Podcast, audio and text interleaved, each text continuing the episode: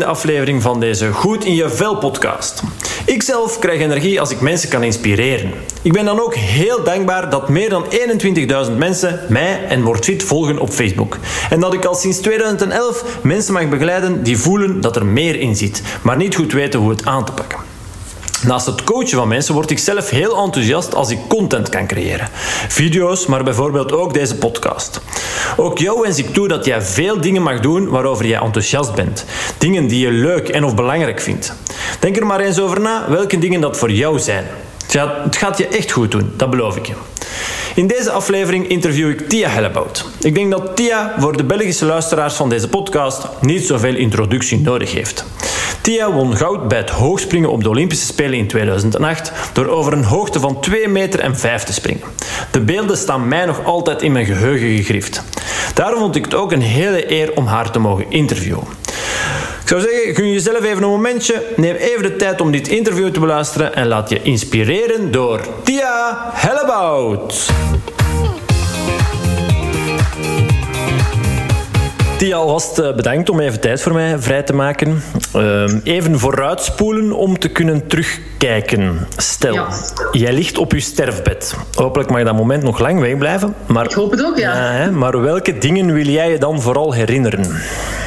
Ja, ik denk zoals de veel, veel mensen. Hè. Het is ook een beetje een cliché. Als we, als we denk ik, op ons sterfbed liggen, ik heb daar gelukkig nog geen ervaring mee, dan uh, denk ik dat vooral de leuke herinneringen met, met familie en vrienden toch wel naar boven gaan komen.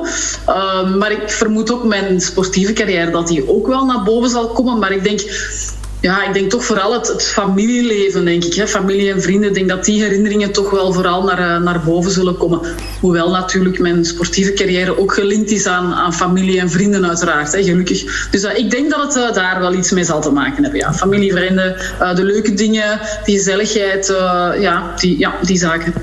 Oké, goed. Um, ik kom daar speet nog wel verder, ik ga daar nog wel iets verder op ingaan. Um, maar voor diegenen, ik vind het een beetje, zeker aan jou, een rare vraag um, om te stellen een beetje. Maar stel, mensen die jou toch niet zouden kennen, misschien Nederlandse luisteraars zijn vanuit Nederland of zo. Ik denk dat ja. weinig Belgen u niet zullen kennen, maar goed. Um, wie is Tia Hellebout? Ja, Tia Hellebout is een, uh, op dit moment natuurlijk uh, ex-atlete. Ik heb uh, altijd atletiek gedaan, meerkamp hoogspringen. En ik heb een aantal mooie medailles, medailles gehaald. grote titels, Europees, wereld- en Olympisch kampioen. En in een ver verleden ondertussen al, want het lijkt al eventjes geleden. Olympisch goud was in 2008. En ondertussen ben ik mama van drie kindjes. En heb ik een Tia Hellebout Academie opgericht. Dus voilà, dat is Tia Hellebout, ja. Die ben ik. Oké. Okay, um, de academie is ook een, een vervolg van... Dat is ook een atletiek uh, academie. Daar, daar, dus je bent er niet volledig uit. uit. Nee, nee, dat klopt. De Tia Hellebout Academie is een aantal jaren geleden, ik denk 2015, 2016, opgericht. En ligt eigenlijk een beetje inderdaad in het verlengde van, van mijn carrière. Het is, uh, het is uh, atletiek natuurlijk. Het is een academie voor atletiek, waar kinderen op jonge leeftijd eigenlijk kunnen kennismaken met atletiek. En vanaf vanaf dat ze beniem zijn, dat is bij ons rond de 11 jaar, krijgen ze ook veel meer technische ondersteuning om eigenlijk hun potentieel volledig te kunnen gaan benutten. Wat soms in de clubs wat, wat moeilijker loopt. Hè. Je kan moeilijk uh, rond elke kerktoren een uh, top atletiekpiste hebben met alle toptrainers erbij. Um, en um, ja, soms zit je ook in een groep met 30 kinderen. Is het heel moeilijk om die technische ondersteuning te krijgen. En daarvoor kunnen kinderen ook bij ons terecht door de week om die technische ondersteuning op een, een, een leuke, maar ook veelzijdige manier te gaan krijgen. Het is niet de bedoeling dat we kinderen van 11 jaar alleen maar gaan laten hoogspringen. Uh, dat is zeker niet waar. Het is de bedoeling dat de kinderen heel compleet gevormd worden. Dat ook de, de kans op blessures dat dat lager wordt, dat, ze, dat er minder drop-out is. En dat ze eigenlijk een langer plezier kunnen beleven van, uh, van hun sport. Anderzijds hebben we ook de atletiekkampjes, de stages tijdens de vakanties, waar de kindjes kunnen komen, komen atletiek doen. Ja, oké, top. En dus uh, het zijn dan begrijp ik dat goed, dat het dan eigenlijk kinderen zijn vanuit gans Vlaanderen die dan daarop uh, afkomen?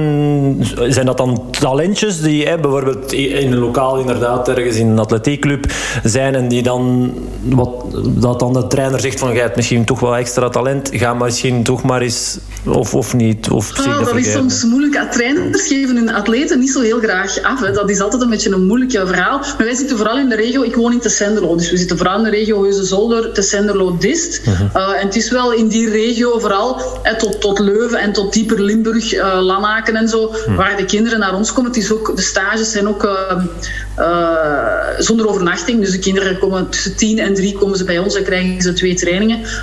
maar ze, krijgen, ja, ze kunnen proeven van alle disciplines. Maar de, het is vooral technisch onderricht eigenlijk. Hè. We willen vermijden dat kinderen op hele jonge leeftijd zich al gaan verbranden. Dat ze gaan, uh, ja, zoals ze zeggen, gaan stoempen en gaan duwen om mm. toch maar de best te worden. De bedoeling is technisch, gewoon heel technisch werken. Dat ze de bewegingen technisch netjes uitvoeren. Om dan achteraf natuurlijk, ja, dat als, als ze groter en sterk worden, dat ze niet geblesseerd geraken. Ja, en heb jij het gevoel gehad dat jij misschien dat als kind uh, gemist hebt? Is dat, dat, dat, dat, kan me voorstellen dat dat er vroeger veel minder was. Zo echt specifiek. Ja, ik, ben, ik, ben, sowieso vrij laat met atletiek begonnen. Hè. Ik, was, uh, ik zat denk ik al in het vijfde studiejaar toen ik uh, startte met atletiek. Terwijl heel veel kinderen al veel jonger met, met atletiek starten. Uh, deze, in deze tijden zal ik maar zeggen. Ja. En vroeger was dat natuurlijk allemaal een beetje anders. Ehm, ik ben altijd wel... Ik heb ook altijd wel heel veel disciplines gedaan. Maar echt technisch uh, lesgeven, dat is, ja, dat, dat, is, dat is zoeken naar, naar mensen in de omgeving ook. Je kunt niet verwachten dat elke club dat die de, beste verspringtrainer hebben, de beste hoogspringtrainer, de beste werptrainer. Dat kan natuurlijk niet. Maar ik heb altijd wel een beetje van alles gedaan, zonder dat dat misschien technisch uh, heel secuur of heel goed was. En ik heb eigenlijk later ook wel wat tijd nodig gehad om, om technische dingen af te leren om dan terug op de juiste manier aan te leren. Dat heeft wel wat tijd nodig. Dus vandaar, ik ben er ook van overtuigd dat je hele goede trainers bij hele jonge kinderen moet zetten, omdat daar eigenlijk de basis wordt gelegd van, eh, van de beweging. Ja, om inderdaad, als je, zoals jij zegt, ja, als je het op een bepaalde manier leert en het zit in je systeem, in je gewoonte, en je moet het dan nog op latere leeftijd afleren, dat wordt alleen maar moeilijker, denk ik dan. Dat is absoluut gewoon, dat is veel moeilijker. Dat is gewoon zo. Als je het op jonge leeftijd al te goed leert, dan zit dat, dan zit dat in een automatisme. Hè. Dan ja. blijf je dat doen. Dat is zo belangrijk. Oké. Okay. En, en je zegt van, van het vijfde leerjaar, elf jaar ongeveer, tien jaar, zoiets, dat je bent gestart met atletiek. Um, was, was dat echt volledig atletiek, atletiek, atletiek? Of heb jij ook, eh, ben je gewoon altijd heel sportief geweest en heb je bijvoorbeeld ook andere sporten? Eh, of, of ik weet het niet, ja.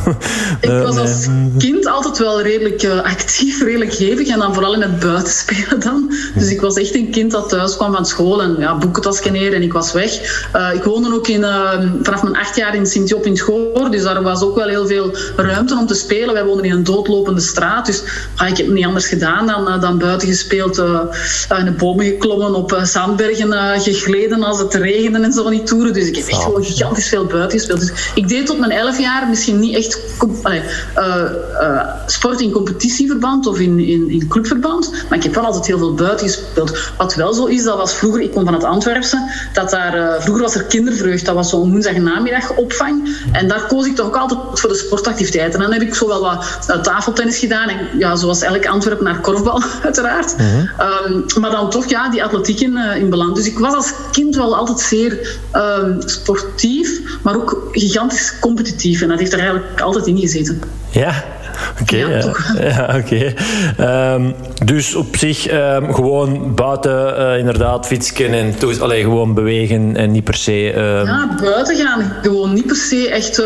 ja, want nu heb je natuurlijk heel veel van die, van die kids, van die move, move dingen en zo, wat heel belangrijk is. Maar dat is eigenlijk iets wat wij vroeger automatisch deden. Want kinderen komen nu niet meer zo... Ik zie dat thuis ook, ik heb er drie om echt die mannen buiten op straat te sturen en vriendjes te gaan zoeken, dat gebeurt eigenlijk niet meer. Omdat er zoveel meer naschoolse activiteiten zijn, denk ik, dan vroeger, uh, gebeurt dat ook niet meer. En ja, dat, dat multi-move, dat moet natuurlijk het, het buitenspelen eigenlijk een beetje, een beetje vervangen. Ja, ja en ook het, ook het, het, misschien het drukkere verkeer. Oké, okay, geeft aan, we woonden in een doodlopende straat. Ik, ik woonde ook in een doodlopende straat. Uh, goed, niet elk kind uh, woont in een doodlopende straat. Heeft die mogelijkheid, ja, absoluut dat is ook zo. Hè? Ja, maar goed, ik denk ook, zoals je aangeeft, meer uh, naschoolse activiteiten, maar dan daarnaast ook gewoon uh, ja, de social media, de, de, de, de, kast, ja, de, de, Playstation en allerlei, de, de, de spelconsoles. Dat was er gewoon...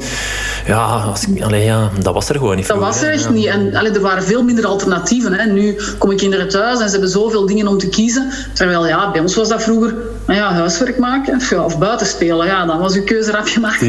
ja. En ja, nog televisie was er natuurlijk bij ons ook al. Maar ja, dat werd bij ons toch veel moeilijker, allee, veel minder snel opgezet. We hadden wel zo een, ja, die allereerste computerspelletjes. Maar er waren toch wel... ik kan me de regels niet meer herinneren, maar ik kan me niet voorstellen dat ik na het school vroeg om daarop te gaan. Dat, dat was eigenlijk niet... Dat, dat werd niet gevraagd. Nee. Terwijl nu, kinderen komen thuis en het eerste wat ze doen... Oh, wij hebben de tablet. Ja, Dus uh, ja, nu zijn de blij als al eens gewoon even rustig de tv opzetten. Hè. Terwijl vroeger, ja, tv was dan eigenlijk een beetje uit een boze. Hè, want ja, kinderen die alleen maar voor een tv hangen, dat is niet gezond. En nu zijn ze blij als ze dan gewoon eens even de tv opzetten ja, dan zit het. Allee, ja, dat is toch heel anders dan nog uh, achter die schermpjes constant. Hè. Ja, ja, ja, zeker en vast. Ja, ja.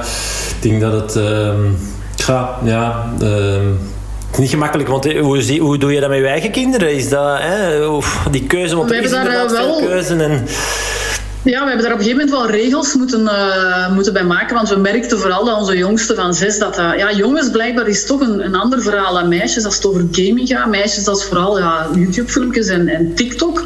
En jongens willen echt zo gamen. En ja, um, dat is heel vreemd. Dan zitten die dus gewoon naar, naar dat scherm te kijken. Naar een manneke dat dus een spelletje becommentarieert. Dus, eh, dat is, en die mannen vinden dat geweldig om, om te volgen. Dat is heel vreemd. Dus wij hebben de regel gemaakt om drie keer per week uh, de schermvrije dagen. Dus maandag, dinsdag en donderdag mogen ze niet op het scherm. Mhm. En dan woensdag en vrijdag mogen ze één uurtje. En zaterdag en zondag mogen ze twee uur. Um, dus dat proberen wij zo een beetje te, uh, te doen. Maar dat is, dat is niet, niet zo gemakkelijk. En je merkt ook, de oudste is nu 11, zit in het zesde studiejaar. Ja, daar begint al veel meer social media. Dat begint allemaal zo'n beetje. Hè? De vriendinnetjes en Instagram. En dan ja, hangouts en van die toeren. Ik weet het allemaal niet hoe het werkt. Maar ja, die, die contacteren elkaar op, op, op, op dat, via dat kanaal. Ook na school. En dan, uh, zij mag dan s'avonds, als de andere twee in hun bed liggen, mag zij nog wel een half uurtje even kijken of er, uh, wat, er allemaal, ja, wat er allemaal gebeurd is in, uh, in de groepjes. Ja. Dus, voilà. dus zo proberen we dat een beetje te sturen om hen er, met te leren omgaan. Maar het is heel, heel moeilijk. Het is echt een verslaving bij, bij heel veel mensen. Allee, wij ook. Hè. Wij kunnen ook niet meer zonder onze, onze tablet of ons, onze, onze gsm. Want alles gebeurt via, via dat kanaal. Hè. Alles is georganiseerd daar rond. Hè. Dus het is niet gemakkelijk. Nee, nee, nee. Dat is waar. En, en hoe zie jij dat... Ehm, de hoge lat die, die heel veel mensen voor zich stellen. Dat is nu bij u een grap. Ja, ik had er echt... Ja, ja, dat is niet erg. Nee, ja. Oh my. Uh, de hoge lat bedoel ik dan... Uh, dat, ja, gewoon wat ik heel veel merk bij mensen die, die, die, ik, uh, ja, die ik spreek, die ik begeleid. Die, die ja, hoe, weet je, ze zien de social media en, en ja, daar is... Ze, ze beseffen soms niet dat ja, als één op duizend bij, bij wijze van spreken er perfect uitziet, heel afgetraind, eh, weet je wel, eh, ook alles ja. te hebben, een mooie auto, een mooi huis, allee, alles, het complete ja, plaatje. Goed, massamedia, 1 op 1000, ja, dat, dat kunnen er snel 1000 op, op een miljoen worden. En als je natuurlijk niet, niet anders ziet, uh, die, ik weet niet, die 11 jaar, en voor jezelf, ik weet het niet, ben je daar uh, mee bezig? En die 11-jarigen, ja, dat is toch ook wel iets. Ja, ik merk wel dat, dat en de kinderen die zijn wel bezig met die likes en die, ja, mensen vinden het, allee, die vinden het wel heel belangrijk dat ze dan die likes hebben en die vrienden maar ik probeer hun toch al heel goed wijs te maken. Of wijs te maken is niet juist het woord, maar te zeggen van mannen, het gaat niet alleen om likes. Het gaat er ook niet om wat, wat andere mensen hebben. Het gaat er vooral om, ben jij gelukkig met wat jij hebt? Hè? Ik denk dat dat heel belangrijk is. Eh, ik bedoel, je gaat altijd mensen vinden die, die meer geld hebben, die een groter huis hebben, die een grotere auto hebben. Um, dus probeer dat ook te zien. Dat het niet altijd... En wat mensen op social media laten zien, is niet altijd is niet altijd het verhaal wat het echt is. Hè. Mensen laten alleen de mooie dingen doen. Hè. Of de mooie dingen zien natuurlijk. Hè. En dat is ook zo. En ik probeer hen daar wel bewust van te maken. Uh, maar dat is, ja, dat, zal, dat is niet gemakkelijk. We zijn daar wel mee bezig. Maar ik begrijp dat dat een moeilijke, allee, een moeilijke oefening gaat zijn de volgende jaren. Sowieso. Ja, ja. Zeg, en, en oké, het is, het is, uh, ja, je probeert dat mee te geven aan je kinderen. Maar is dat iets wat je zelf ook... Uh, hecht jij er belang aan wat, wat anderen hebben?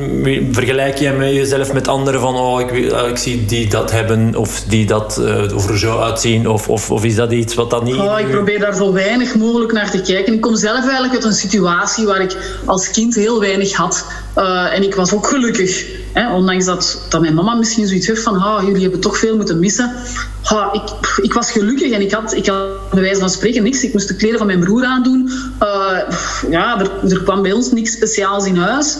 En um, ja, ik was ook gelukkig, dus ik weet dat het op die manier ook wel kan. En ik ben me er ook van bewust, hè, wat ik net zei, van, je gaat altijd mensen hebben die het, die het waarvan je denkt dat ze het beter hebben. Maar het is niet omdat ze een groter huis hebben of een grotere auto dat ze, het, dat ze het beter hebben. Je moet vooral gelukkig zijn met wie dat je zelf bent. En als je zelf gelukkig bent, dan denk ik dat je minder beïnvloedbaar bent dan, beïnvloedbaar bent door, door wat er rondom u gebeurt. Omdat iemand misschien ja, een boot heeft liggen of, of ik weet niet wat, daar ga ik echt niet van wakker liggen. Als ik zelf een boot wil, dan weet ik dat ik er waarschijnlijk heel hard zal moeten verwerken en dat daar wel allee, iets aan vasthangt voordat je zo ver geraakt.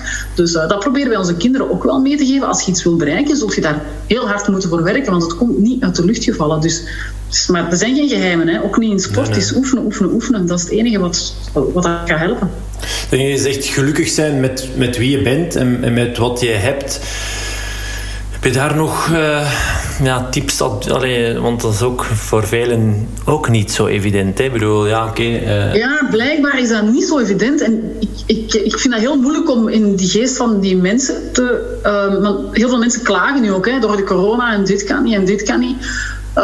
Maar er zijn altijd dingen die je nog wel kunt. En ik denk het glas gewoon half vol zien in plaats van half leeg is al een heel groot verschil. Want als je altijd iets half leeg ziet, ja, dan word je niet gelukkig. Hè? Dan word je alleen maar ongelukkig. Ondanks dat je evenveel of even weinig hebt dan dat het glas half vol is. Hmm. Dus, uh, maar als je het half vol ziet, dan heb je tenminste toch wel een, een leuk gevoel dat het half vol is. Dus ik denk gewoon dat mensen op het einde van een dag misschien eens een keer als ze in hun bed kruipen en even stilvallen, zich moeten even wat opzommen wat er misschien op een dag wel goed is gelopen. Mhm. Dat je een beetje nog positieve, met een positieve link gaat slapen als je inderdaad zo van die negatieve gedachten hebt. Natuurlijk, ja, als je in je familie mensen hebt die ernstig ziek zijn, of je hebt geen geld, of je kunt niet rondkomen, ja, dan, is het, dan wordt het alleen maar moeilijker natuurlijk. Maar ik ben ervan overtuigd dat een mens altijd de keuze heeft om gelukkig te zijn. Mhm. En als je niet gelukkig bent, in je werk of in je gezin of in ik weet niet wat, heb je altijd de keuze om jezelf de vraag te stellen: wat zou mij wel gelukkig maken? En dan is de volgende stap: probeer daar iets aan te doen. En dat zal niet altijd gemakkelijk zijn en dat zal waarschijnlijk niet de gemakkelijkste stap zijn, maar ik ben ervan overtuigd dat in heel veel gevallen je wel die keuze hebt om gelukkig te kunnen zijn.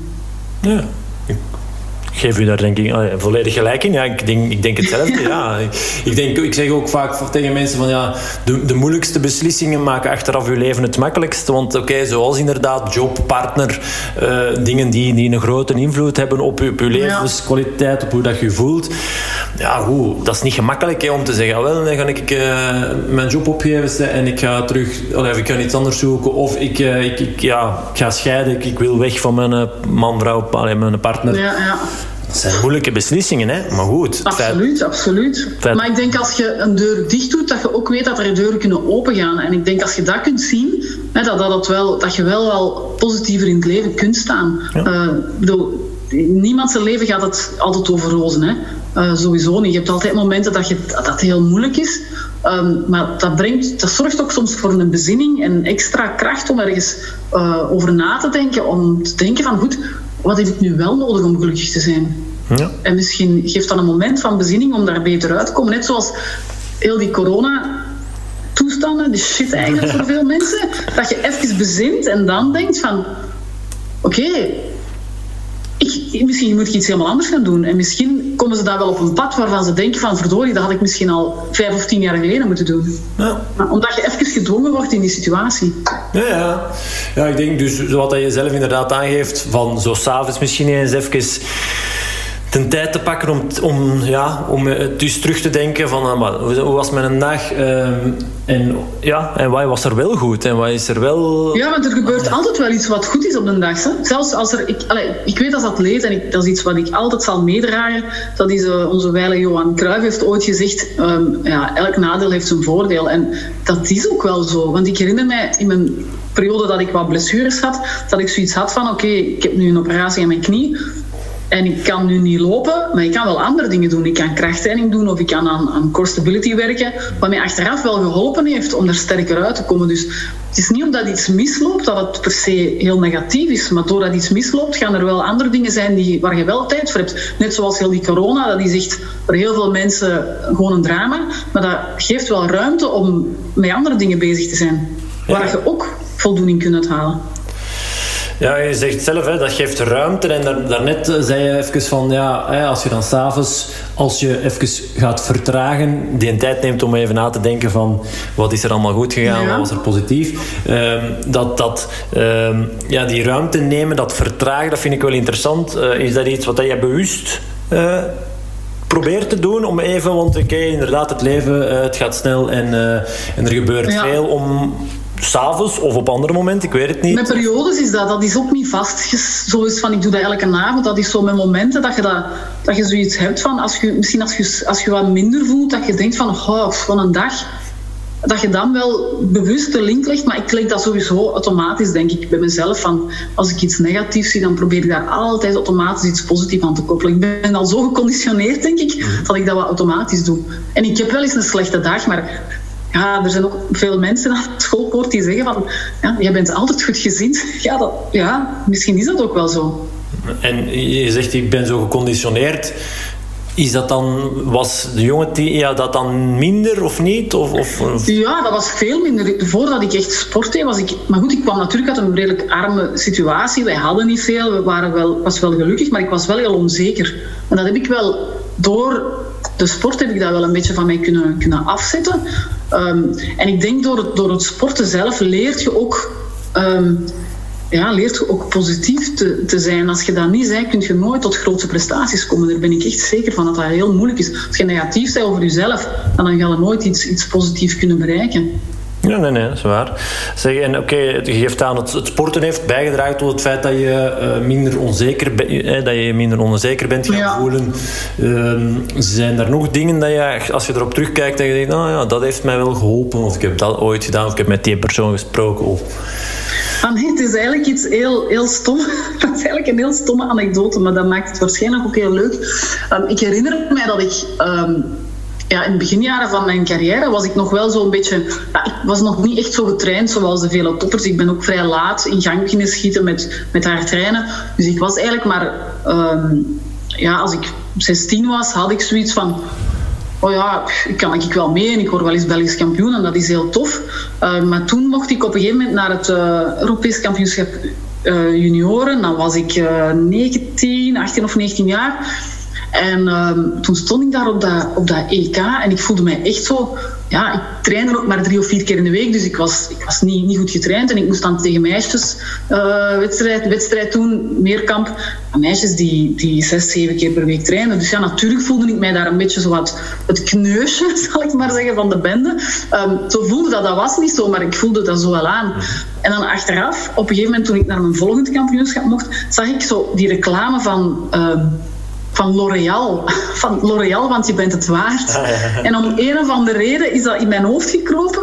En als ik naar een kampioenschap ging, um, heeft mij dat geholpen. Gewoon omdat, omdat ik zoiets had van, ja, ik heb mijn, mijn minimum gehaald. Ik heb het aantal punten of de hoogte gehaald om naar dat kampioenschap te gaan. Dus ja, ik ben het waard om daar, om daar te zijn. Dus voel u maar... Allez, voel je maar het waard dat je daar, dat je daar bent. Ja. En dat heeft echt, dat is een heel, iets heel vreemd, een heel stomme anekdote, maar dat, is, dat heeft mij wel geholpen. Maar meestal zijn het zo van die rare dingen die, die dan zo'n klik geven, die, die je helpen. Hè? Ja. ja, ja, ja, zeker. Zeg, en uh, je, je, zet, je, zegt net van het was niet zo, maar het voelde wel zo aan. Is het dan, mag ik dan ja. concluderen dat, er, ja, dat je zelf dingen wijs maakt? Uh, allee, dat je, hoe belangrijk... Ja, ik denk dat ik wel wat de druk op mezelf wel zoiets had van ja, iedereen staat al verder in zijn ontwikkeling en ik ben daar nog niet. En, en wat doe ik hier eigenlijk? Allee, ik hoor hier eigenlijk precies niet thuis. Gewoon omdat ik, um, omdat ik zag wat andere mensen, hoe die eruit zagen. Die zagen er echt al als volwassen topsporters uit. Terwijl ik nog ja, ik had nog mijn, mijn, uh, mijn pubervet, zo zal ik maar zeggen, of hoe moet ik dat noemen? Of mijn babyvet misschien nog. Dus er was nog heel weinig aan gewerkt. Dus ik, ik had zoiets van, maar wat, wat sta ik hier nu te doen? Um, en ik heb dat echt wel nood gehad, waarschijnlijk omdat ik ook wel misschien de druk wat hoger uh, op mezelf had gelegd en, en daardoor mij wat onzekerder voelde. Ik weet het niet. Um, maar ja, het is niet omdat je het er zo niet uitziet dat je het zo niet aanvoelt. Ik denk dat dat heel belangrijk is als je iets wilt bereiken, dat je ook iets realistisch voor jezelf voor ogen moet houden. En op dat moment ja, had ik het gevoel van, ik sta hier gewoon niet op mijn plaats. En dan voelt je natuurlijk wel, wel onzeker. Dus ik kon het allemaal niet te goed kaderen. Want ja, oké, als je dan zegt van, goed, die meisjes trainen zeven keer in de week en ik train maar drie of vier keer in de week. Ja, natuurlijk is er een verschil. Dat is ook logisch dat er een verschil is. Eh, maar je kunt dat op dat moment niet, niet te goed kaderen. Dat komt pas achteraf als je wat ouder wordt en wat meer ervaring krijgt. Ja. ja.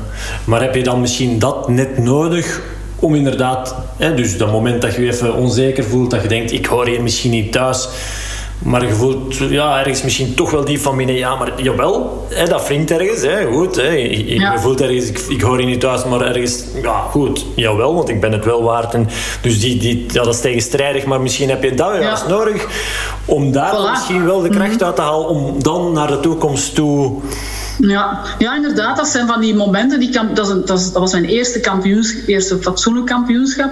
Um, als je daar dan op terugkijkt, dan besef je van... Kijk, oké, ik sta eigenlijk nog maar in mijn kinderschoenen. En ik heb nog wel... Allez, ik, ik heb nog heel veel progressiemogelijkheden. En ik ben eigenlijk nog, nog aan het zoeken naar alles om, uh, om mij klaar te stommen voor, uh, voor grootste prestaties. Dus natuurlijk heb je dat nodig. Je hebt altijd ergens een moment nodig dat het misschien wat minder gaat om daar, om daar te leren, sowieso. Ja. ja. Zeg, en, en als je dan zo... Um ja, als puber, hè, je heeft ik had nog wat pubervet. Uh, maar nu niet over dat pubervet, maar gewoon over het, over het puber zijn. Ehm, ja, die combinatie uh, met, met die sport, dan nog school. Uh, je zegt, we hadden het thuis niet echt breed. Ja, dat is toch ook allemaal niet zo, hè, die combinatie. Ja, weet ik dat was vooral eigenlijk... in de lagere school dat het bij ons heel moeilijk was. En dan is mijn, mijn stiefvader is er dan achteraf bijgekomen. Dus tegen dat ik puber was, was gelukkig alles zo wel al een beetje stabieler bij ons thuis. En dan ging het financieel allemaal wel een stuk, uh, een stuk gemakkelijker. Um, maar ja, puber zijn is voor denk ik iedereen een beetje een onzekere periode en een beetje op zoek naar, naar jezelf. Maar ik heb dat eigenlijk allemaal wel, wel fijn, uh, fijn kunnen meemaken. Ik, ik, trainde ook toen nog niet zo heel veel, tussen mijn 12 en mijn 18. Ik trainde in het begin maar twee keer in de week en dan is het een keer drie keer in de week. Dus die combinatie met school en het puber zijn, ging eigenlijk allemaal redelijk, uh, redelijk vlot. Ik mag er niet echt over klagen. Ik denk dat de pubers het van nu veel moeilijker hebben doordat ze, zo, dat ze zoveel met social media en zo uh, geconfronteerd worden. En ja, weet je, vroeger, je zit op school en je komt naar huis en het is, het is allemaal achter de rug, maar nu blijft alles constant doordraaien. Dus wij kwamen thuis en het was thuis. En dan gebeurde er voor de rest niet, niet te veel niet meer. Maar nu, kinderen worden constant uh, belaagd met dingen van op school en de prikkels die ze van buitenaf krijgen, van nieuws. Ja, vroeger, wij kwamen thuis, boektasje neer, buiten spelen. Ja, ouders keken eens naar het nieuws, wat huiswerk maken. En ja, dat was het eigenlijk. Hè. Dus de, de, het leven was ook veel, veel kalmer, denk ik. Veel rustiger. En ik denk dat dat, dat dat niet zo gemakkelijk is nu. Nee, inderdaad. Ik denk, uh, zeg, en, en uh, het feit van, hey, je geeft aan tussen mijn, uh, mijn 11 en mijn 18, of, of allee, ja, in, in die jonge jaren dat je niet zoveel ja. trainde. Nee. Hoe zie je die evolu evolutie? Want ook, ook daar.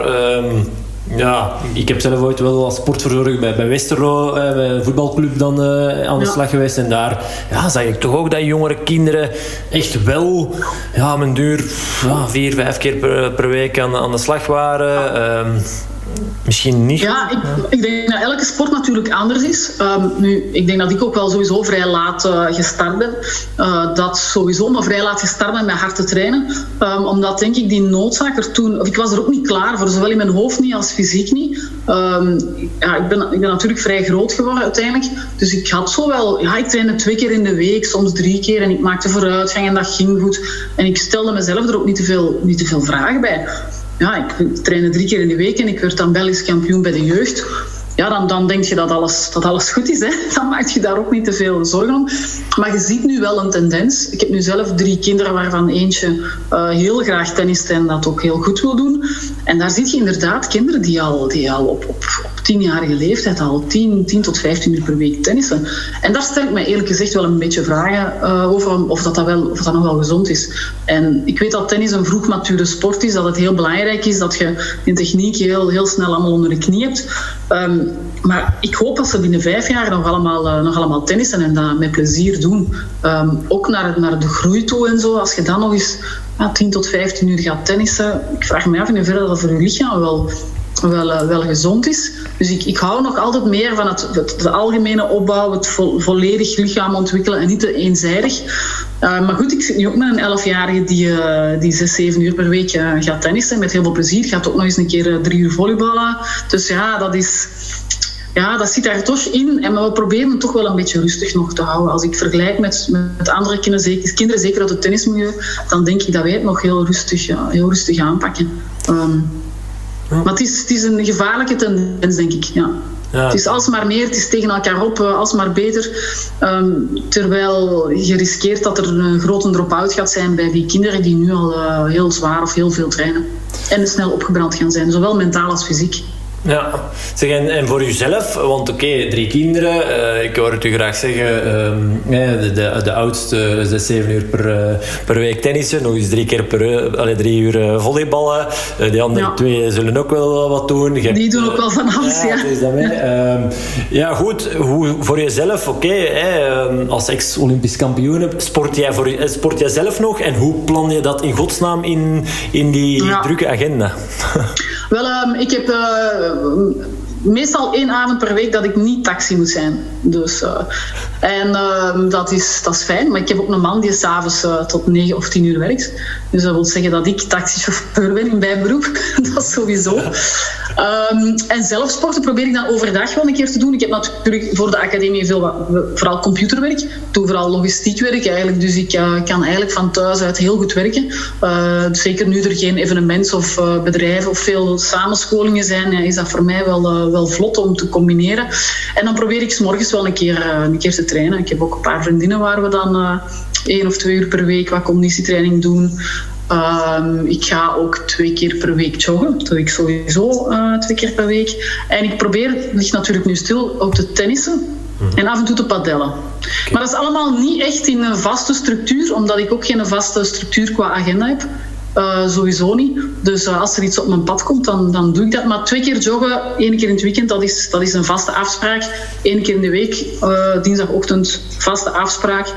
En dan met de vriendinnetjes op woensdagochtend vaste afspraak. En de rest dat is afhankelijk van wat er een beetje op het, op het pad komt. Dus um, ja, ik probeer wel wat te sporten, want het is, ik, heb het toch wel, ik heb het toch wel nodig. Ja. Dat zeker. Ja. Zeg, je geeft aan uh, conditietraining en daarnaast gaan lopen. Voor veel mensen is dat toertje gaan lopen juist hun conditietraining. um, ja. Wat, uh, ja, toch? of um, ja, hoe, bedoel je dan uh, nog cardio-oefeningen, wat springen of, of hoe zie, moet ik het... Uh... Ja, ik doe dan met die dames een beetje, dat zijn twee vriendinnen, het zijn eigenlijk vriendinnen, hè, we doen dat samen. Um, dat is eigenlijk een beetje, dat is een combinatie van wat krachttrainingen en, en cardio. Uh, wat ik eigenlijk nog er zou moeten bijdoen is wat meer uh, core stability, omdat ik merk dat dat toch wel iets is wat nu nog even een missing link is. Um, maar één, ik doe het niet graag. En als je iets niet graag doet, is het moeilijk om daar tijd voor te maken. Um, maar um, het is toch wel heel belangrijk. Zeker als je die conditietraining en dat lopen een beetje gezond wilt houden, uh, is dat toch zeker nodig. Maar ik vind het wel, ik vind het gewoon heel leuk om, om buiten te zijn en, en, en, en om te sporten. Ja. En neem jij dan het voortouw in die training, conditietraining met de, met de vriendinnen? Ben jij dan de ja, ja, ik schrijf dat dan, ja, ja. Ik schrijf dat dan, uh, ik schrijf dat dan een beetje uit natuurlijk, hè. sowieso. Um, maar ik heb er ook uh, op een gegeven moment een jaar, ik denk twee jaar geleden, er is een jaar tussenuit gelegen met uh, constant met kuitblessures. Een jaar niet, niet of bijna niet gesport. En dan ja, wel wat kilo's bijkomen. En ja, dat is zo'n beetje een... Ja, als je ergens een keer stilvalt, is het altijd een beetje moeilijk om terug in gang te komen. Mm. En ik merk toch dat het, dat het door ouder te worden wel moeilijker wordt. Um, maar goed, ik beweeg heel veel, genoeg. Dus dan ga ik er ook vanuit dat het... Ik probeer ook gezond te eten. Dat uh, uiteindelijk uh, gewicht alleen is natuurlijk niet het belangrijkste. Maar gewoon gezond zijn en, en bewegen en, en gezond eten is eigenlijk, uh, is eigenlijk al goed. Hè? Ja. Oké, okay, want ik had er net, uh, was ik even op uh, Facebook live gegaan en ik had, uh, ik zeg, ja, ik ga zo dadelijk maar ik Tia Hellebout interviewen. Zijn er toevallig ja. vragen van, van jullie kant, mm -hmm. van de mensen die mij volgen? Er was inderdaad een, een dame, ik denk Clara dat ze heette, en die vroeg inderdaad van, wil je Santia vragen, omdat je het nu ehm, even al benoemt, het, de voedingskant. Ehm, ja. Volg jij nog een bepaald Goh, ik hou niet van het woord, maar dieet of een, een voedingspatroon? Uh, hoe ga je Goh, ik heb na mijn carrière heb ik echt op een gegeven moment wel een beetje de teugels losgelaten. Ik ben uh, tien jaar op dieet geweest, dus ik had het eigenlijk wel gehad, eerlijk gezegd. Um, je merkt ook dat je lichaam heel zuinig wordt hè, met je voeding. Dus je wordt eigenlijk alsmaar, alsmaar zuiniger als je heel veel op dieet gaat. En zeker die periode dat ik, ja, meter 82, 59 kilo uh, als topsporter, dat is wel heel, heel weinig. Um, dat is ook gewoon een beetje je uithongeren dan wel. Dan kun je wel zeggen, je moet gezond eten, maar op een duur, ja, als je elke keer nog moet blijven afvallen, je lichaam wordt zuiniger en zuiniger. Dus op een gegeven moment had ik het ook gehad. De drie zwangerschappen waren ook uh, heel veel kilo's bij, omdat ik normaal at en, en gewoon gewoon normaal at, ehm, dan is het moeilijk om die kilo's eraf te krijgen. Ehm, ik probeer gewoon ehm, gezond te eten. Uh, en als ik eens een keer zeg van oh, nu, is nu is er een beetje over mijn gewicht, dan ga ik eens even een periode wat minder koolhydraten eten en proberen wel echt te letten op uh, geen, geen geraffineerde suikers uh, binnen te pakken. En ja, wat meer groenten. Hè. En dat is voor mij altijd wel een uitdaging, die groenten. Ja. Ja, want ik hoorde je zegt gewoon gezonder eten. Maar ja, uh, wat, wat inderdaad, ja, meer groente, dat is dan, dat is dan vooral... Vooral meer groente en dan, ja, ik merk ook wel sauzen vermijden. Uh, ja, witte, geen witte pasta's, geen kaassaus. Uh, kaas is echt wel een, een, een probleem. Um, alcohol is ook een probleem. Um, allee, ik bedoel niet een probleem voor mij, maar dat is iets waar je snel van bij komt. Ja, ja. Dus uh, om dat dan er is een tijdje tussenuit te, te laten. Uh, maar je merkt ook dat het, heel, het is heel zwaar om dat te doen, omdat je overal geconfronteerd wordt met, met suiker, met zoet, met vet, met uh, ja, overal waar je komt. En voor de kinderen ook, dat is echt een probleem. Je, dan denk je, bij kinderen sporten, hè, maar dan komt je in de, in de sportclub en dan is dat chips en snoep en dat ligt daar allemaal. En frisdrank, dat is echt, dat is echt een drama natuurlijk natuurlijk. Dat is? Dus we worden constant geconfronteerd met die, met, die, met die slechte voeding. Dus het kost wel wat karakter om daar, om daar vanaf te blijven, vind ik. Ook voor mij. Ja. Ja. Zeg, en, en, je zegt de uitdaging voor jou, voor jou is om, om meer groente te eten. Heb je daar een, ja, tips voor? Dat je, hoe pak je dat dan aan? Is het gewoon meer groente in huis halen waardoor je ze meer gaat eten? Of, of ja, ik probeer wel gemakkelijk dan, uh, dan uh, ovenschotels of soep. soep. Ik, uh, eigenlijk een van mijn grote dieettrucken is soep. ik eet heel graag soep en dat is iets wat voor mij dan wel werkt. terwijl gewoon groenten, ik, ja, ik heb wat moeite met, met de structuur van groenten in mijn, in mijn mond, zal ik maar zeggen. Ik kan dat niet goed uitleggen hoe dat, dat komt, maar dat, dat is gewoon zo. Ehm, maar ik probeer dat wel een beetje, ja, wat overschotelen en dan toch een beetje te, te trischen met wat kaas en zo. Ik hou van heel hartige dingen. En uh, ja, groenten zijn voor mij niet zo heel hartig.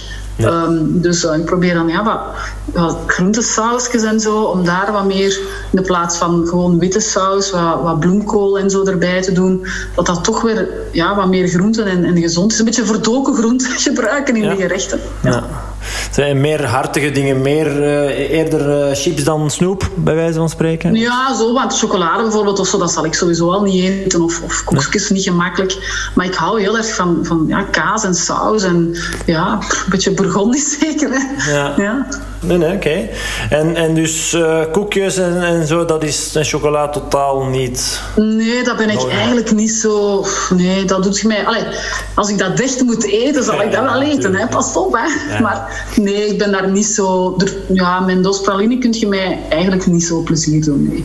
Ja, en dat, heeft, dat is er gewoon, dat is van kind af, dat jij dat nooit... Ja, als kind snoepte ik wel graag, maar ik denk ook gewoon door, door heel lang op dieet geweest te zijn, dat bepaalde smaken, dat je dat misschien niet meer goed kunt, kunt verdragen, ik weet het niet. Um, dat, uh, ja, het zegt mij gewoon niks meer.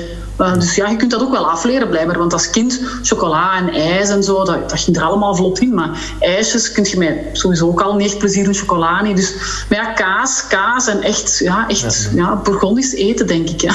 Ja. ja.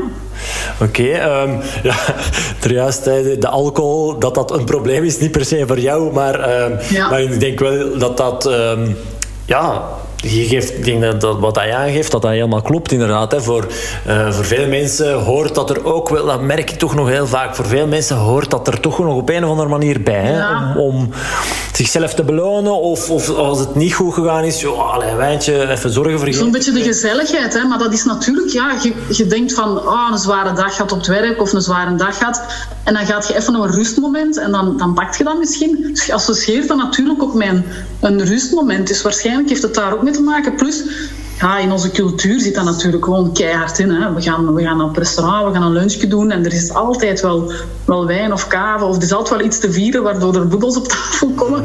Dus ik denk dat dat een beetje in onze, in onze cultuur zit en dat je op een gegeven moment er ook eens een keer gewoon helemaal moet uitstappen om, om dat eens even niet te doen. Ik heb nu bijvoorbeeld ook drie weken dat ik, dat ik niks gedronken heb. Gewoon, ik denk dat is een keer de moment. Hè. Je komt toch nergens, je komt daar niet mee in aanmerking. Ah, laat het dan ook eens thuis een keer, hè, een keer van, van, de, van de tafel. En ja, dan denk ik soms in het weekend, goh, het zou me toch wel smaken, moest ik dan nu een glasje kunnen pakken.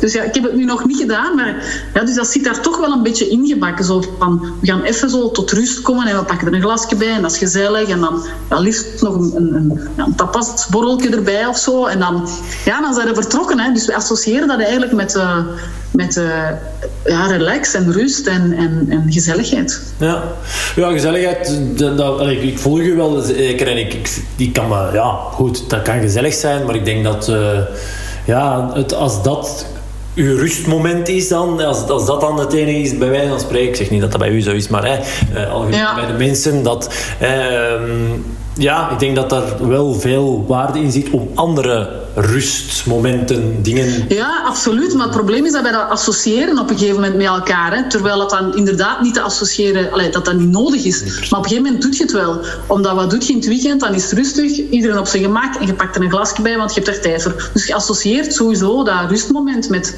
met dat glasje. Ja. Zijn er nog andere dingen waar jij, uh, die jij zegt van, nou wel, daar buiten een glasje af en toe eens drinken, uh, misschien ook het sporten, maar dat jou rust kan geven?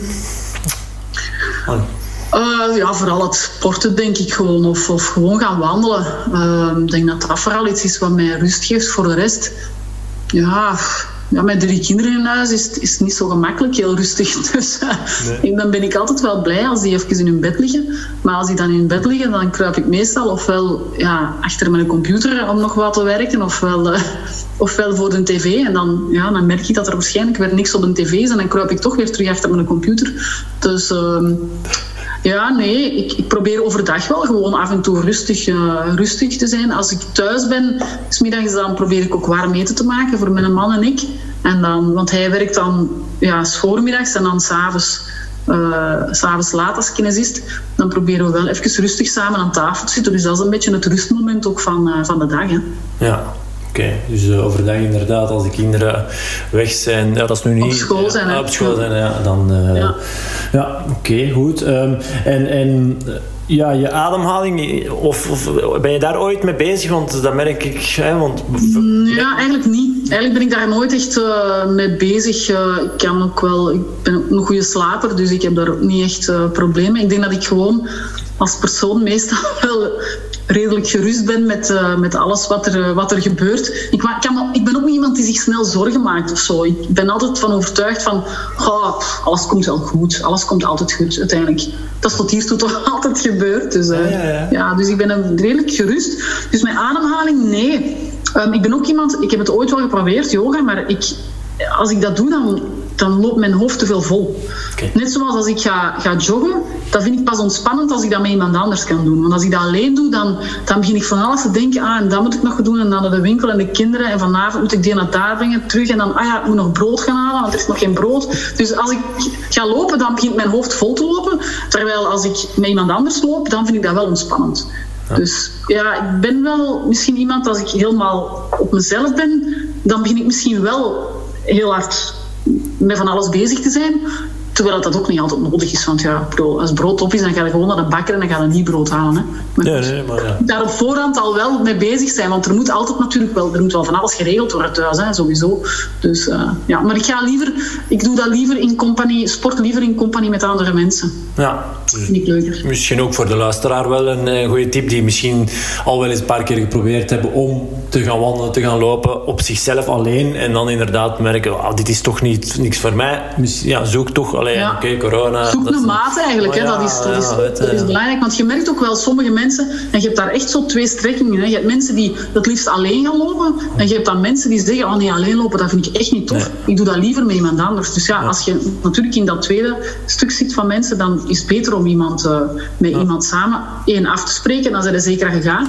En twee, uh, met iemand anders te lopen om, uh, om, ja, om, dat, om die ontspanning te krijgen. Ik ben ook iemand, ik ga liever een uur, een uur tennissen dan een uur gaan gaan lopen. Omdat je met tennis alleen maar met die bal bezig bent. En als je alleen gaat lopen, ja, dan, en dan, dan begin je weer met van alles uh, in je hoofd rond te malen. Dus ja, dat is type persoon, denk ik. Ik denk dat iedereen daar uh, voor zichzelf moet uitmaken hoe dat, hoe dat hem zich allee, daar het beste uh, kan door omgeven. Ja, ik denk dat dat heel logisch klinkt, maar op zich misschien wel een goede tip voor, voor de mensen die dit nu horen. Dat ze zeggen inderdaad van, ah ja, dat heb ik eigenlijk nog nooit geprobeerd. Ik ben wel een paar keer uh, zo start to run met Evie begonnen bijvoorbeeld. Ja. Ja. nee, dat was toch maar niks voor mij. Maar goed, geef het eens een kans om misschien inderdaad de buurvrouw te mobiliseren. Of, of maakt niet uit, zus of, of een vriendin, maakt niet uit. En, en probeer dat eens. Misschien, misschien vind je dat dan wel leuk en haal je daar wel de rust... Ja, en voldoening uit. Hè, want ja. ja. zo alleen, ik vind dat ook maar saai. Alleen gaan wandelen of alleen gaan lopen. Pff, dan denk ik na vijf minuten van, goh, nog maar vijf minuten. Pff, oh, en ik wou eigenlijk een uur lopen. Ja, dan is het nog heel lang, dat is niet leuk. Hè. Ik hou het ook gewoon veel beter vol om het, uh, om het mee, samen met iemand anders. Ja. Dat is ook een vaste afspraak. En dan, ja, want anders is dat ook zo, als je iets alleen doet, ga je ja, slecht geslapen, een slechte nacht, of een paar kinderen nachtmerries, of ik weet niet wat allemaal wat er s'nachts ja. kan gebeuren. En dan zijn de rapper geneigd om te zeggen, oh, ik ga toch nog een uur langer slapen. En ja, van uitstel in het weekend komt vaak ook wel uh, afstellen. Ja. Helaas. Zeker en vast. Um, ik vroeg me ook af, hè, want dat is zo iets wat dat altijd wel werd gezegd van Tia, uh, die, is, uh, die staat er echt altijd op de grote kampioenschappen. Je hebt ook, hè, dat, dat was ook wel gewoon zo, maar, maar die, ja, die, dat pieken en dan dus dat is één ding wat ik wel, wel belangrijk nog misschien even kort wil over hebben. Maar ook hoe omgaan met, met die druk. Want, want ja, uh, je hebt zo lang naar iets toegewerkt, dan is dat moment daar ineens. Hoe blijf je in godsnaam rustig? Uh, allee, hoe, ja. dat is, dat is um, als je ergens heel hard voor gewerkt hebt en je hebt er alles voor gedaan, dan moet je dat leren op een gegeven moment loslaten. En dan moet je zeggen: kijk, wat er ook gebeurt, ik heb er alles voor gedaan wat mogelijk is. En als het goed is, kei tof. En als het niet goed is, ja, dan kan ik me tenminste niet gaan verwijten dat ik, dat ik er niet voor gewerkt heb. Uh, maar dat is een hele moeilijke. Hè. Dat is iets waar heel veel mensen of heel veel uh, sporters en misschien ook gewoon mensen in hun werk uh, die onder druk staan, misschien wat moeite mee hebben. Dat is het loslaten op een gegeven moment. Laat het nu gewoon gebeuren. En zie, je moet gewoon soms durven vertrouwen op wat je kunt of wat je niet kunt. En er niet te veel bij nadenken en gewoon loslaten. Ik zeg heel vaak, ik, ik, moest, ik moest eigenlijk alleen maar aanlopen en springen. Hè. Allee, het, is niet, allee, het is niet moeilijker dan dat eigenlijk. Hè. Als je, het, je moet het eigenlijk tot de basic kunnen, kunnen gaan terugbrengen. En eigenlijk is het aanlopen en springen. En ik heb er één heel hard voor getraind. Twee, ik sta op gewicht. Drie, ik heb er naartoe gewerkt. Ja, en ik kan op die dag niets niet meer wonderbaarlijk doen veranderen uh, om, het, uh, om het nog beter te maken. Nee, je moet gewoon dan kunnen vertrouwen op jezelf. En als je er keihard voor gegaan bent, heb je ook niks, niks te verwijten. En die rust moet je op een gegeven moment kunnen, kunnen krijgen. En ja, dat is, dat is niet zo gemakkelijk. Zeker niet voor mensen die, um, die wat controlefreaks zijn of alles in de hand willen hebben. Ja, dat is, dan is het heel moeilijk om het los te laten. Terwijl ik ben iemand altijd zo oh mannen, doe nu gewoon rustig, het komt wel goed. En als het niet goed komt, ja, ja dan, dan overleven we het ook. Hè. Allee, de wereld blijft ronddraaien. Natuurlijk, ja, als je daar in de finale van de Olympische Spelen staat en op een gegeven moment ja, voelt je dat het, allee, mm er allemaal in zit, ja, dan, dan moet je gewoon knop omdraaien en zeggen: ik ga gewoon knallen en ik zie het wel. En dat moet ik kunnen. Ja. ja en dat kon ik. Dat kon ik gelukkig. Ja. Ja, en dan moet je, ja, je moet ook allee, de druk van rondom u de druk op je, van jezelf is al groot genoeg. Dus rondom je moet je echt proberen, proberen te filteren en weg te krijgen. Maar je kunt dat ook gebruiken als een soort van kracht. al die mensen die naar het stadion zitten, alle mensen waarvan dat je weet die mee hebben meegeleefd. Um, je kunt dat ook als, als een kracht gebruiken en zeggen van... Ah, wel, ik ga, ik ga het doen hè, vandaag, ik ga ervoor gaan. En ik, ik ga al die energie die mensen allee, geven ook, ga ik gebruiken om om te zetten in iets, in iets moois. En ja, als je het bekijkt als een druk, bekijk je het misschien al sneller als iets negatiefs. Als je het bekijkt als een energie, kun je het positief bekijken. Dat is heel anders. Want een druk komt altijd al zo, een druk. Dan heb je al het gevoel van, oei, een druk. Terwijl als je het bekijkt als een energie van mensen, dan kun je daar ook beter van worden. Ja. En ik moet ook zeggen, ik had van nature ook altijd wel zo'n beetje een groot eergevoel van. Ik, ja, ik wilde het wel. De bewijsdrang is altijd wel groot geweest om het te bewijzen dat ik het kon. Ja. Dus dat, dat zal ook wel geholpen hebben. Want dat gaf je er straks al aan, hè, dat, dat dat competitief ook als kind gewoon er al uh, wel ja. in zat. En, en, dat, ja. dat is altijd zo geweest en ik kan dat, dat is denk ik iets wat je ik, ik, denk dat dat iets is wat je van nature wel wat in de genen meekrijgt. Ik denk dat één kind heel competitief is en het andere helemaal niet. Het gaat er alleen om hoe dat je met die competitiviteit aan mijn competitiviteit, ja. dat je daarmee omgaat. Um, sommige mensen bekijken dat dan als een druk van ik moet winnen. En ik heb zoiets van ja, er moet niks, maar ik heb er alles aan gedaan om het, om het te proberen. Ja, vind ik een mooie. Er moet niks. Ik, eh, ik zeg dat ook altijd uh, tegen mijn cliënten. En zo van, ja, weet je, ik, ik, kan wel dingen meegeven, aanreiken, maar goed, van mij moet jij niks doen. Hè. Ik bedoel, het is, het is. Nee, nee, nee, tuurlijk niet. Dat, dat moet niet, maar je moet ook... Allee, ja, als, jij, als, ik, als ik morgen naar u kom en ik zeg van hey, prepareer mij eens een keer, ik wil eh, binnen, binnen tien weken klaar zijn om ik weet niet wat te doen, ja, dan kun jij wel zeggen wat, ik, wat, ik, wat, wat er in mijn programma staat. Maar ja, als ik dat doel binnen tien weken wil halen, dan weet ik ook wel dat ik er iets voor zal moeten doen. Anders dan, ja, dan heeft het niet veel zin. Hè? Ja. Nee, nee, nee, dat is waar.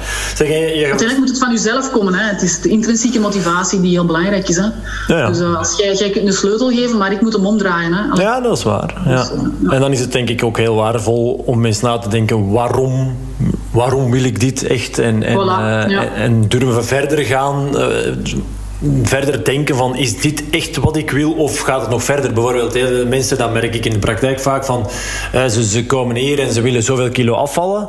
Maar als ik dan verder doorvraag, ja goed, dan gaat het niet per se over die x aantal kilo's die ze willen afvallen, maar gewoon over zichzelf zekerder voelen, meer, allee, ja, ja. meer zelfvertrouwen vaak. En dan denken ze als ik 10 kilo afval, of, of allee, wel, hè, x aantal kilo, dan zal ik mij wel zelfzekerder gaan voelen. Ja, ja. Maar dat is maar de vraag. Dus, dus, dat kan, maar dat kan ook zijn van niet natuurlijk. Oh, maar, uh, ja, maar ik denk dat het wel belangrijk is dat mensen een bepaalde doelstelling stellen. Want als je geen doelstelling hebt, ja, dan is het heel moeilijk. Hè? Ik weet ook, om gewoon wat te gaan joggen, ja, ik vind dat niet...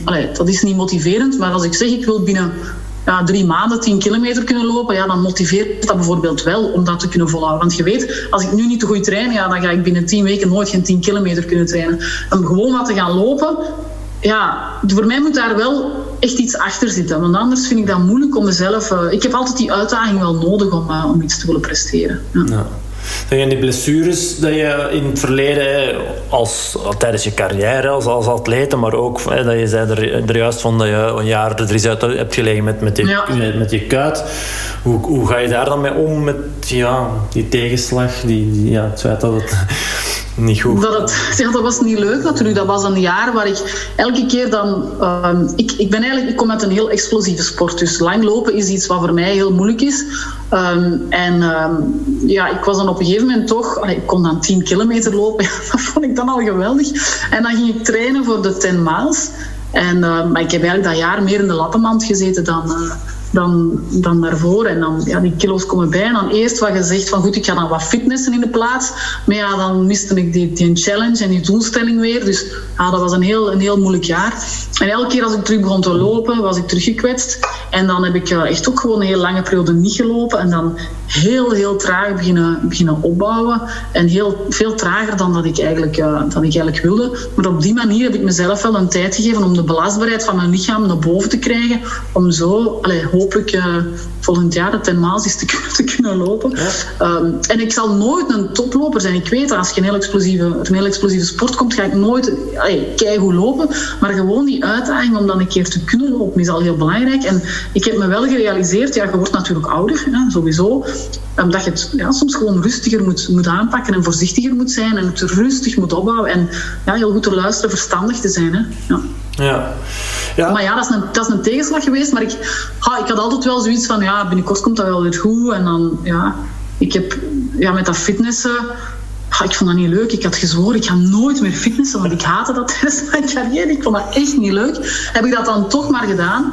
Um, maar vanaf het moment dat ik dan terug wat kon joggen, is dat helemaal terug, uh, terug gestopt. Ja. Ja. Maar dus Ah, allee, zeg ik het goed als ik, het, als, als ik zeg dat jij een uh, positief, positief bent, een positief ingestelde persoon, en dat je denkt van oké. Ja, en dat is altijd zo geweest. Ik ben altijd wel zo, op die manier heb ik altijd wel in het leven gestaan. Dat is iets wat gelukkig in mijn natuur um, wel in zit, vermoed ik. Um, nu, je kunt dat ook als ouder wel een beetje sturen, denk ik, naar je kinderen toe.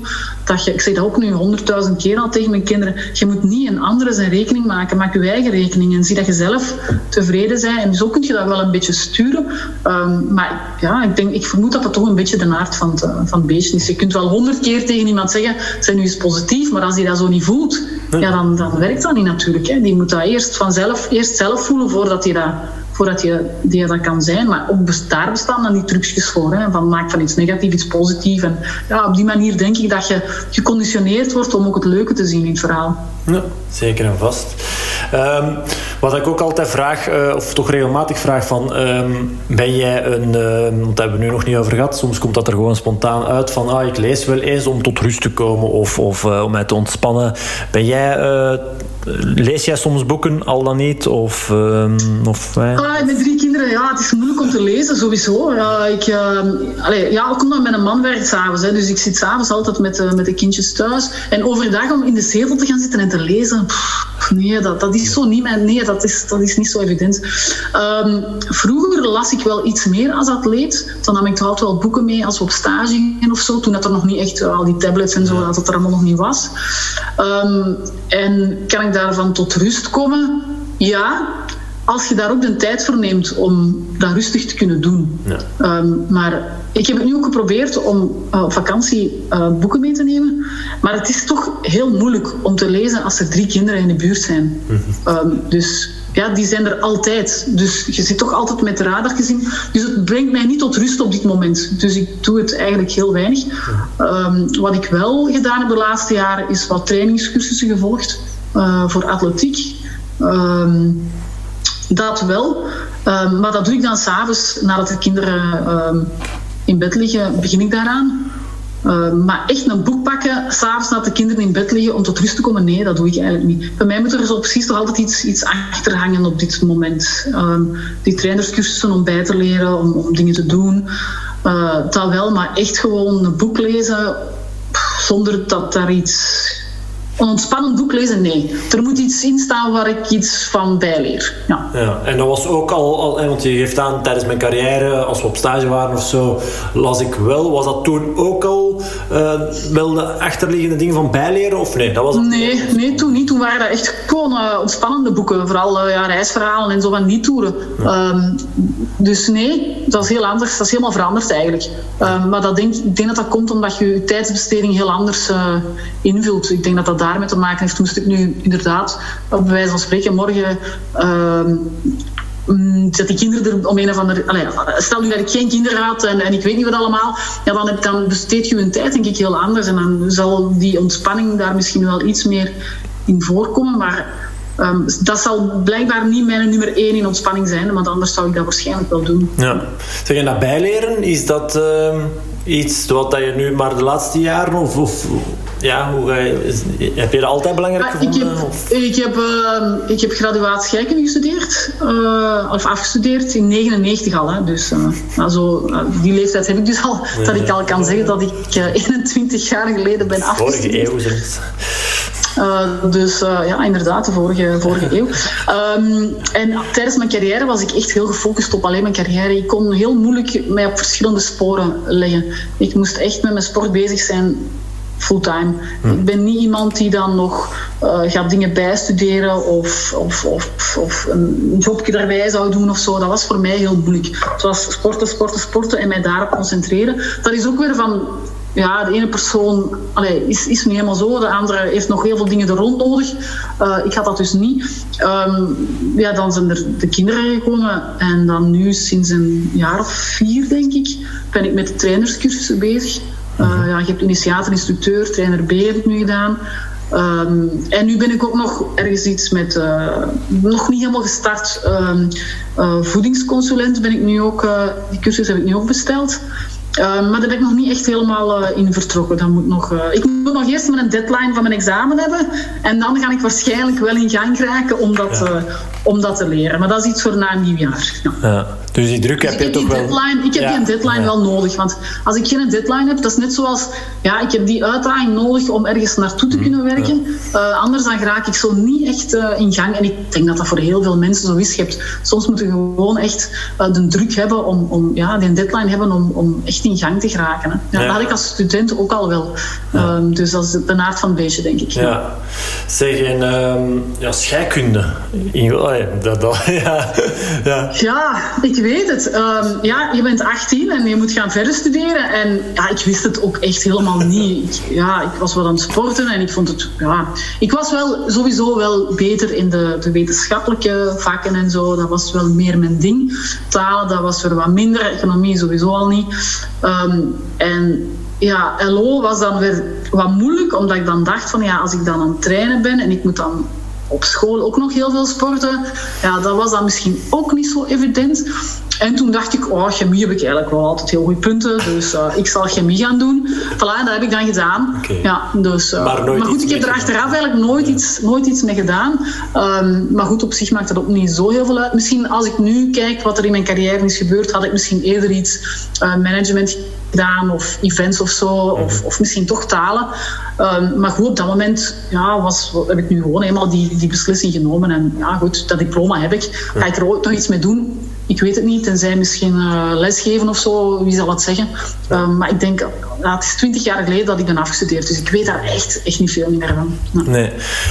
Uh, inderdaad, wie weet, de tijd zal het zeggen ook wat je nog gaat, gaat doen. Maar heb je daar, ben je daarmee bezig van, van oké, je hebt nu die voedingsconsulenten, maar de toekomst en plannen maken en waar ga ik nog naartoe, wat wil ik nog allemaal? Of, ja. Uh, voorlopig uh, ben ik daar nog niet te heel hard mee bezig. Uh, ik merk al wel dat mijn interessevlak naar dat bewegen en die voeding, dat dat er wel heel sterk naartoe gaat. Ik heb ook een aantal jaren geleden gedacht van iets als diëtiste bij het studeren en zo. Dus het is wel iets wat mij wel heel erg interesseert en wat, waar ik wel mee bezig ben.